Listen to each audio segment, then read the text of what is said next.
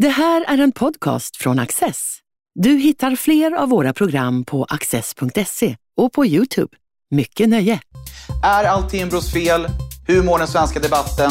Paula Bjäller har lämnat riksdagen. Det här är panelen. Torbjörn Hållö, du är LO-ekonom. Karin Svanborg Sjövall, du är VD på tankesmedjan Timbro. Och Erik Hörstadius, du är författare och journalist. Varmt välkomna alla tre säger jag till er. Är borgerligheten styrd av olika särintressen och har det funnits en naivitet inför hur marknader egentligen fungerar? Håkan Boströms ledarartikel i Göteborgs-Posten har utlöst en intensiv debatt inom borgerligheten. I skottgluggen är framförallt tankesmedjan Timbro. Karin, det känns ju mest rimligt att du får den första frågan. Vad säger du om den här kritiken?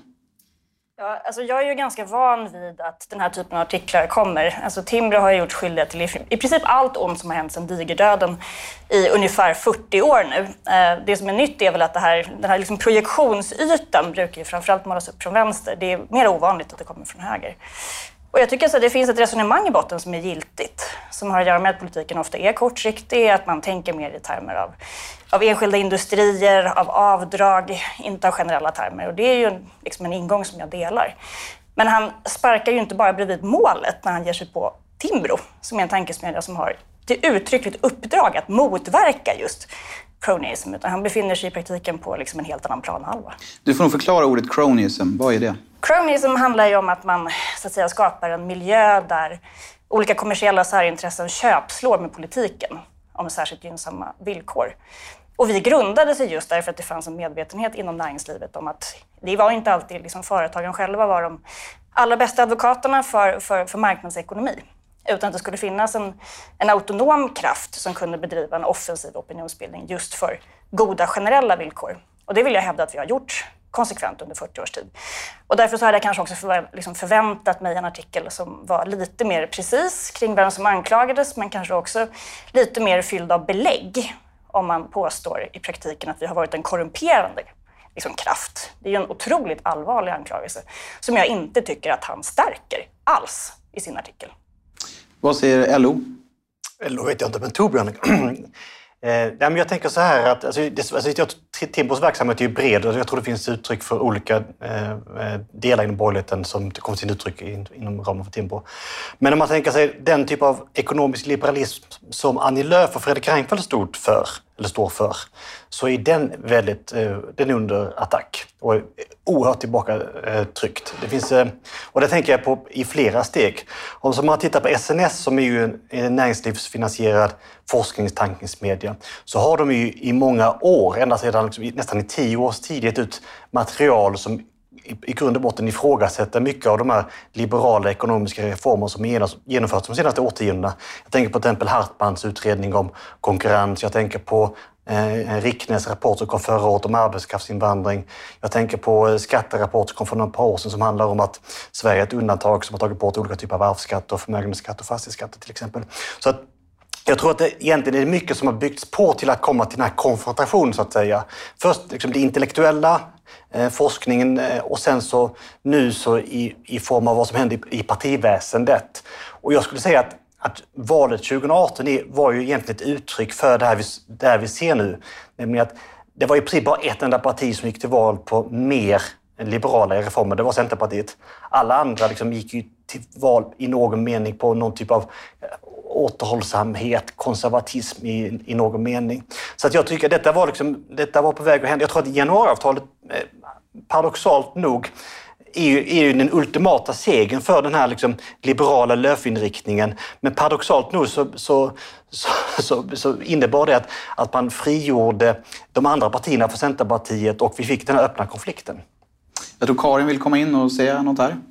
Alltså, det jag tycker är märkligast är att man beskriver varje försök till eftervård av en reform som att man har Eh, i praktiken sagt att reformen borde aldrig gjorts från allra första början. Eh, och min tolkning egentligen av, av sinnesläget just nu, inte minst i den unga borgerligheten egentligen, inte alls marknadsliberalismens död, utan tvärtom. Att det nu finns ett grundmurat självförtroende som kanske inte har funnits tidigare kring att man inte betraktar en reform som samma sak som en princip.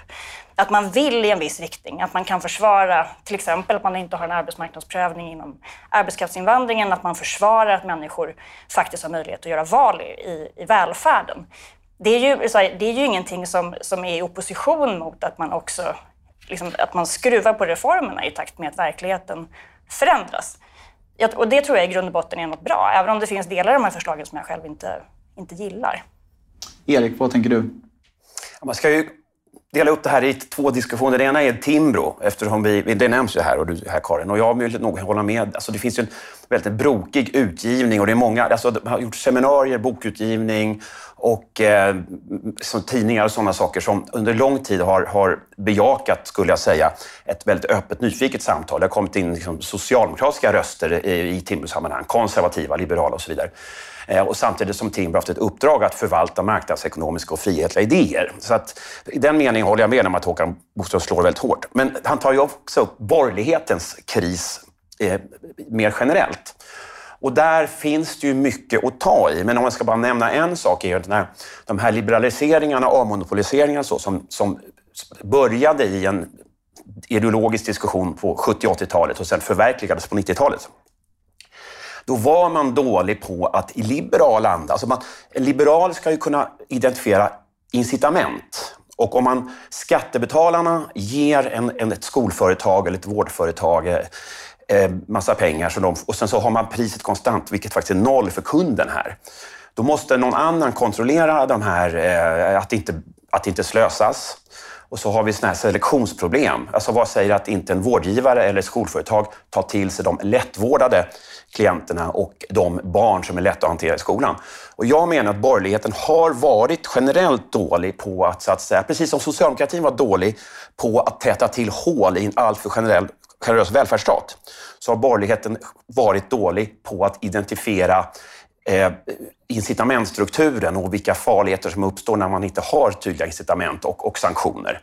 Eh, det är en, det är en underlåtelsesynd då, kan man säga, som borgerligheten har haft. Sen så har, har man krokat arm med vänstern, identitetspolitisk och migrationspositivistisk vänster på ett lite konstigt sätt. Där frihetliga människor, i koppling till Timbro och på andra ställen, som tror att fri, invandring är bra, men det måste kopplas till väldigt låga skatter och bidrag.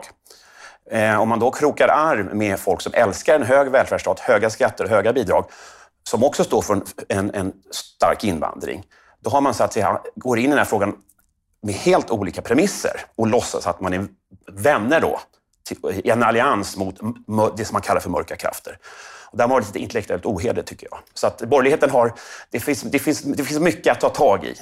Vill du replikera, Karin? Ja, jag vet inte om jag känner igen bilden av att Timbro skulle ha krokat arm med några goda vänstermänniskor. Eh, ja, men Timbro har varit en stat för väldigt stark migrationspositivism. Och man har inte varit så här jättenoga med att säga att, att om det kombineras med en stark välfärdsstat så finns det pullfaktorer. Fast, fast det, det, tycker jag är falskt. Det, jag tycker vi har varit oerhört konsekventa i att säga att man just... Det, går, det blir väldigt svårt att kombinera stor invandring utan att göra stora bidragsreformer. Alltså, vi har varit tokkonsekventa på den frågan. Det här är någonting som vi tillskrivs som jag inte känner igen mig i. Ja, men vi lite, jag, jag, men, men, borgerligheten, Timbro, ja, jag men, kanske var lite... Ja, och det, det, är ett generellt problem med den här artikeln. är just att man använder sig av en massa olika synonymer. Man skiljer inte på enskilda företag, på enskilda branschorganisationer, på Svenskt Näringsliv, på Timbro och på borgerligheten. Och det gör att den här artikeln blir ju väldigt effektiv därför att alla kan känna sig träffade. Jag är uppenbarligen en av dem, även om vi nu är apostroferade. Men det blir också ganska ohederligt.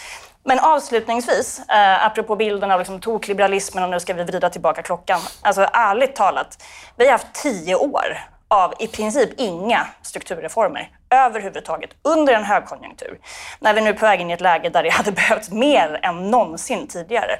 Att då vilja göra gällande att liksom Sveriges största problem är att vi har haft mycket frimodiga reformer är bisarrt enligt min mening. Det har ju varit en total statisk. Ligger det någonting i kritiken då att, att borgerligheten har varit slapp på att granska sitt eget reformverk utifrån till exempel hur det läcker ut pengar eller man då ska bygga nya Karolinska sjukhuset efter nya modeller och sånt. Att man, att man har utförsäljning av allmännytta, man säljer skolor på 90-talet till inventarievärdet på möblerna. Tibbleskolan i Täby till exempel. Ja, absolut. Och, att man, och där är det, nu ska jag inte prata om Timbro, verkligen inte, utan, men borgerligheten generellt har väl, har väl varit lite, lite överoptimistisk här om, om eh, hur det här ska funka. Eftervården av många portalreformer har varit usel. Ja. Eh, och därför så skulle jag mena att det har varit viktigt att exempelvis Timbro har kritiserat Nya Karolinska innan det blev en folksport. Har beskrivit välfärdsmarknaderna som kvasimarknader. Jag har personligen kritiserat just avknoppningar till underpris. Mm. Inte för att det är emot privatiseringar, det är det inte. Utan därför att det är en förmögenhetsöverföring till en enskild privatperson. Nu ska vi ge Timbro klart godkänt nu, och borgerligheten minus. nu får vi runda av eh, veckans första ämne och gå vidare till veckans andra ämne. Vad är acceptabelt att säga i offentligheten och finns det dubbla måttstockar för vad som klassas som hat? I en ledare skriver Ivar Arpi om hoten mot honom och menar att samma personer som sägs vilja minska polariseringen inte tvekar att polarisera om måltavlan är den rätta. På Kvartal skriver Jörgen Wittfeldt att självutnämnda väktarråd som vill hålla rent i debatten agerar kontraproduktivt genom att stämpla legitima frågeställningar som oanständiga. Då frågar jag dig, Erik, hur mår den svenska debatten? Ja, men ganska dåligt i den meningen att det är många som drar sig undan debatten. Det finns ju eh, både då, alltså, förtroendevalda som, som mals ner av eh, en ibland alltså vid, vidrig, så att säga, ett vidrigt klimat när man, man kommer med, med något förslag och så, så, så hatas det på. Och sen många debattörer, intellektuella, publicister och sådär. Ehm, och det här hårda språket är ju, det är ett problem. Å andra sidan så är det lite svårt att se en väg ut ur det eftersom eh, man har lättare att tycka illa om någon på det här när man sitter liksom i telefon eller dator eller när man träffar den live. Jag tror att det är liksom omöjligt att komma ifrån den mänskliga me- mekanismen. Eh, jag tror också att eh, ett, ett, ett sätt att så att säga möjligen förbättra är att förklara lite mer skillnad mellan till exempel hat och hot. Nu blandas det samman på ett sätt. Det, det är klart att Alexander Bard ska få reagera väldigt hårt när Peter Wolodarski vill slänga ut honom från TV4, vilket Peter Wolodarski i, stort sett skrev i en, i en artikel. Alltså, ungefär be- belägga Alexander Bard med yrkesförbud för att han har debatterat med Gustav Kasselstrand. Ehm, och då svarar Alexander Bard på samma sätt som Hanif Bali superhårt mot då det de uppfattar som någon slags vänsterliberaler eller vänster och så.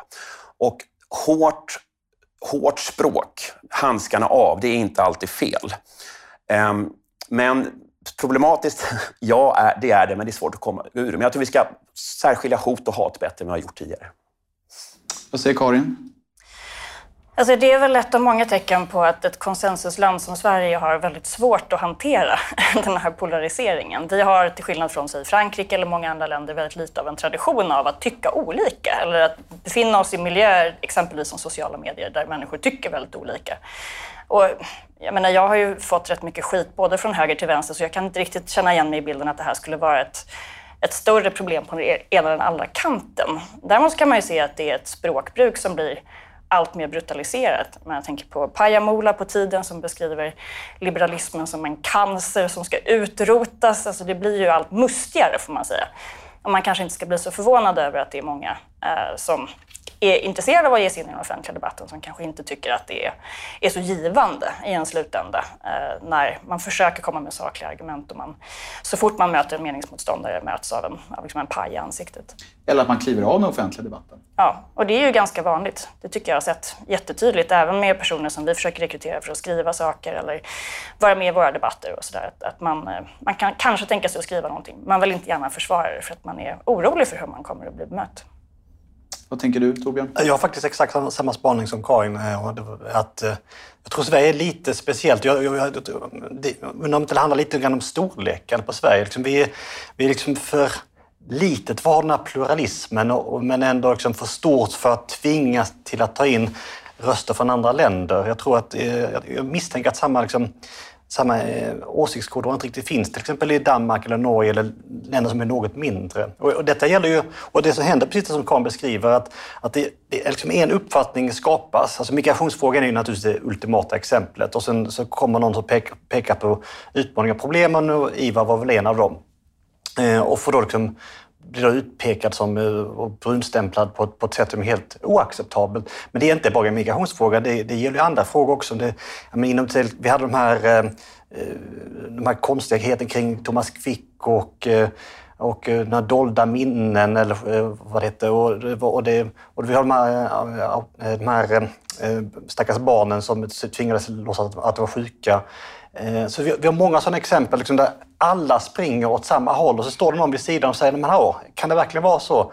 Och så slår pendeln åt andra hållet och sen plötsligt är det den tidigare normen plötsligt den som alla andra ska kritisera.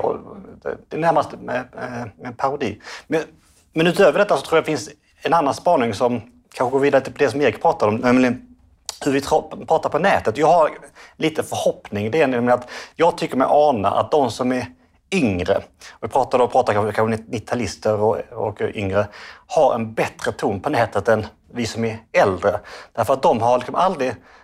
Vi är uppvuxna med att man pratar på ett sätt vid, liksom vid, eh, vid, på restaurang eller på, på, på krogen med varandra och ett annat sätt i offentligheten de har aldrig gjort en åtskillnad, för allt har varit offentligt. Alltså man har alltid kommunicerat offentligt och har därmed liksom inte lagt till sig med de konstiga sakerna. Man, säger, man pratar på ett sätt här och ett annat sätt där.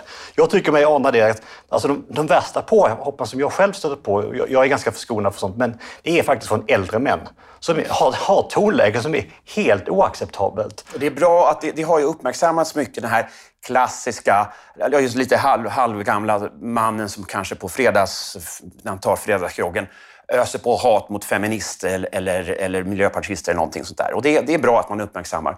Men någonting som Ivar Arpi har tagit upp, och jag, jag, jag är helt med på hans verklighetsbeskrivning, att eh, när det gäller människor med en röst i offentligheten, alltså välkända journalister och, och författare och ja, kulturelit och sådana här saker. De kan ge, om de tillhör vänstern så har de inga som helst problem att tokhata på debattörer som Ivar Arpo som kallas då rasist och andra saker. Så att när det gäller etablerade samhällsaktörer, där tycker jag vänstern bär en större skuld än högern till att eh, öka tonläge, höja tonläget på ett dåligt sätt i, i, i det offentliga samtalet. Eh, det, här, det är inte alls lika vanligt att högerdebattörer, förutom Hanif Bali och Alexander Bard möjligen, är så där hårda tillbaka. Så det är en, det är en, det är en obalans där. Och varför tror du att det är så? Jag tror att eh, dels tror jag vänster har känt sig tillbakaträngd eh, utifrån att det inte gått så bra med till exempel invandring som man trodde. Men jag, sen så är vänstern har alltid känt sig moraliskt överlägsen. Alltså, vänsterhjältar det är typ Robin Hood och Jesus och sådana saker. Man tar från rika och ger till de fattiga. Vad är högern bra på? Jo, producera välstånd och, och möjligen eh, skapa låglöneyrken i fattiga länder. Det är inte lika... Inte lika eh, man får inte en helgongloria på samma sätt. Så att, alltså, vänstern har haft de moraliska kommandohöjderna och dessutom mer verbalt vassa företrädare. Själv de flesta kulturmänniskor är vänster så har de språk till sin makt också. Eh, och nu börjar högern liksom slå tillbaka. Först slog så att säga, SD-männen tillbaka, anonyma SD-män. Nu börjar då Alexander Bard, Hanif Bali och andra slå tillbaka även som, alltså utifrån en offentlig position. Så att den här, det här tonläget börjar jämnas ut när det gäller, när det gäller de offentliga debattörerna, i min spaning. Karin? Jag tror att en, ett skäl till att den här polariseringen ser, ser, ut som den gör, inte minst bland mer etablerade företrädare, handlar ju också om att det finns ju... Alltså den offentliga debatten präglas ju väldigt mycket av revanschism. Alltså det är ju en, en, grupp människor som har varit extremt hårt ansatta, inte minst i migrationsfrågan tidigare, som nu när, när, liksom, när, när vindarna har vänt plötsligt har, har vinden i ryggen istället och som nu ger tillbaka med samma mynt. Och i ett litet land så blir många av de här konflikterna också väldigt personbetonade, vilket gör det liksom extra, extra slaskigt för att man ses. Man, det, är liksom, det är ett ganska litet kotteri. Men i grund och botten är jag nog ändå mer optimistisk än vad jag är pessimistisk. Därför att precis som du så tror jag att det, som det kommer en ny generation som är mer bekväma med de här verktygen. Och det faktum att vi inte har samma storväst på oss eller tvångströja som vi hade tidigare kring att alla behövde tycka precis samma sak. Att det börjar spricka upp nu, det är ju ett sundhetstecken mer än ett problem. Jag, måste replikera lite grann på Erik. Alltså jag, jag tror, alltså jag, egentligen tycker jag att det är en, det i sig tycker jag är ett problem att liksom prata så vänster i, i största allmänhet på det sättet. För, eh, man, man, måste liksom peka ut de enskilda personerna. De enskilda personerna måste ta ansvar för sitt, för sitt beteende. Och jag, skulle, jag kan vara öppen och säga att jag tycker det finns liksom enskilda öar där ett sådant beteende har pågått. Aftonbladets kultur är ett bra exempel. Senast igår så kom Martin Ögård och skrev en helt fruktansvärd, alltså helt vedervärdig eh, krönika om, om friandet av Sofia Hermansson. Eh, och liksom att det finns ett antal liksom, öar där tonläget de, de är ganska stora. Om vi tar kring metoo, så alltså stora Facebookgrupper och liknande som drevs av väldigt, väldigt kända liksom, kvinn, kvinnor, alltså författare och så. Va? Och det, det, det, var ett, det var ett hat på män som, som var fullständigt liksom, bortom allting.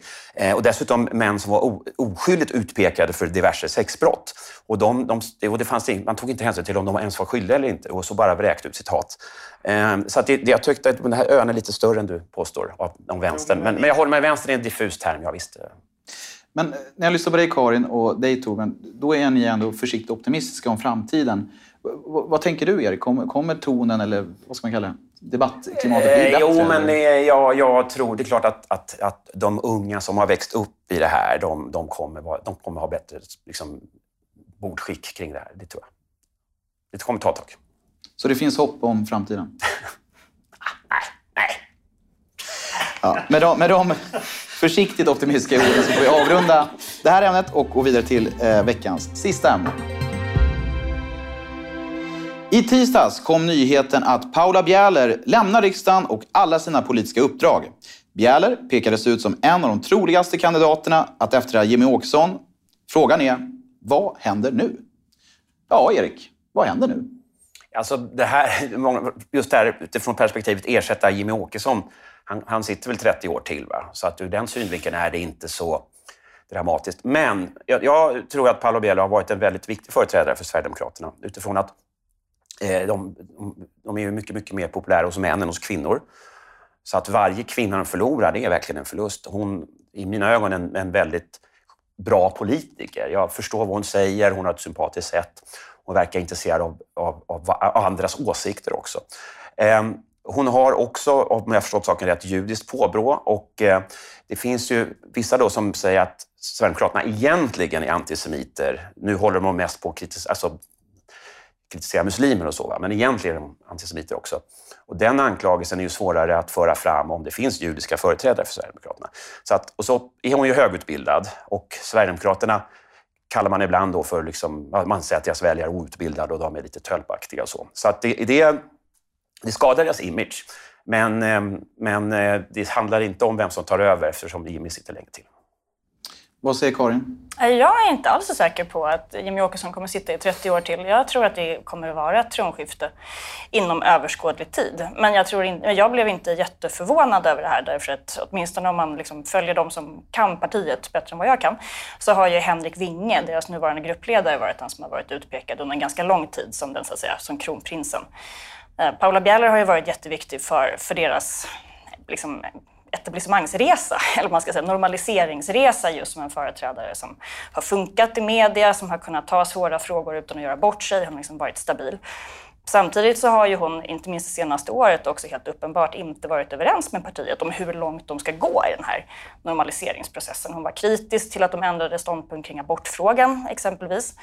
Eh, så det här är väl möjligen ytterligare ett tecken på på, på liksom den här skinnömsandet som partiet har ägnat sig åt. Att man är ja, verkligen på väg in i en ny fas nu.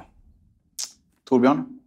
Jag tycker också att hon har gett ett eh, bra intryck i, i media. Eh, men jag tycker att eh, det sättet hon slutar på är ju lite lätt lite, lite ett, i ett löjets skimmer. Att, liksom att bli upprörd över att man inte får åka på bröllopsresa när man är vald riksdagsledamot tycker jag är väldigt märkligt. Men i sak så tror jag inte det spelar så jättestor roll för jag tror inte att det är vem som är partiledare för SD som är det som avgör. Utan jag tror det, det som avgör är helt enkelt deras politiska position. Och de har en fantastisk politisk position därför att de är starka i de frågorna som nu är viktiga. De har eh, positioner och uppfattningar som delas av väldigt stora grupper bland väljarna. Och det är det som kommer avgöra deras stöd och eh, där ligger de bra till. Något som jag tycker är intressant är att eh, utifrån vad som kan uppstå om några år, det är om, om Sverigedemokraterna flyttar sig in mot mitten, även i de här värderingsfrågorna om abort till exempel, så kan det ju uppstå ett utrymme för ett mer alltså, tydligt konservativt parti som dessutom kopplat till en, en väldigt stark invandringskritik. Och då är Sverigedemokraterna plötsligt inte eh, det, mest, liksom, det parti som man identifierar som mest höger, utan då finns det någonting så att säga, till höger om Sverigedemokraterna. Vilket ytterligare kommer normalisera Sverigedemokraterna i många människors ögon. För då, då kan man så att säga, svårt att säga att de är djävulen om det finns några till, till höger om djävulen, för då är ju de djävulen.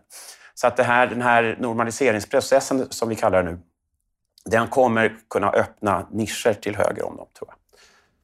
Vad tror du, Karin? Du är skeptisk? Nej, jag tror inte det heller faktiskt. Eh, skälet till att man har dumpat många av de här värdekonservativa positionerna bygger ju på att det finns ett sånt fruktansvärt svagt stöd för detta i svensk politik. Eh, jag tror att Sverigedemokraterna eh, på ett sätt har gjort lite motsvarande analys som kanske Moderaterna gjorde under Reinfeldt, lustigt nog. Nämligen att, att risken för att någonting skulle uppstå till höger är så pass liten att man har liksom utrymme att, att bredda sig. Så man ska aldrig säga aldrig, det har hänt mycket konstigt i opinionen tidigare. Men jag har ärligt talat svårt att se att ett sådär liksom ultrakonservativt parti på allvar skulle kunna liksom hota eller ens egentligen slå sig in. Men om man ger sig ut på nätet så man ser otroligt många kritiska röster alltså under, under längre tid inom då nationalkonservativa, liksom, alltså både, både debattörer och vanliga väljare att man tycker att Sverigedemokraterna eh, säljer ut sig. Eh, och det finns ju en, det finns ju en, en balanspunkt där uppstår den här nischen. Jag, jag, jag, vi får ju se. I Danmark så har, ju, har det hänt. Det var två sådana partier som la sig till höger om eh, Danska Folkpartiet. Då. Men det var ju ett läge när Danska Folkpartiet hade haft ett rejält inflytande på politiken under flera år. Eh, och dessutom så har man en mycket lägre spärr i Danmark. Så jag, eh, jag ser inte framför mig att man i närtid kommer att växa där på den sidan. Nej. Och det här med, nu slänger jag med ut en, en allmän fundering. Vad ska Sverigedemokraterna göra, förutom att till exempel eh, modernisera sin syn på abort? Men för att få in kvinnor på höga positioner. Dels handlar det om att få in alltså, fler kvinnor som röstar på partiet. Där har man i och för sig skördat framgångar på sistone, men de är ju, helt klart vill de ju ha starka kvinnliga företrädare också. Och så, så man kan ju undra om det här bunkargänget som styr från, att om det, om det finns något, något så att säga av, frånstötande i det. Att man inte känner att man riktigt kommer in där eh, för att de, de fyras gäng styr.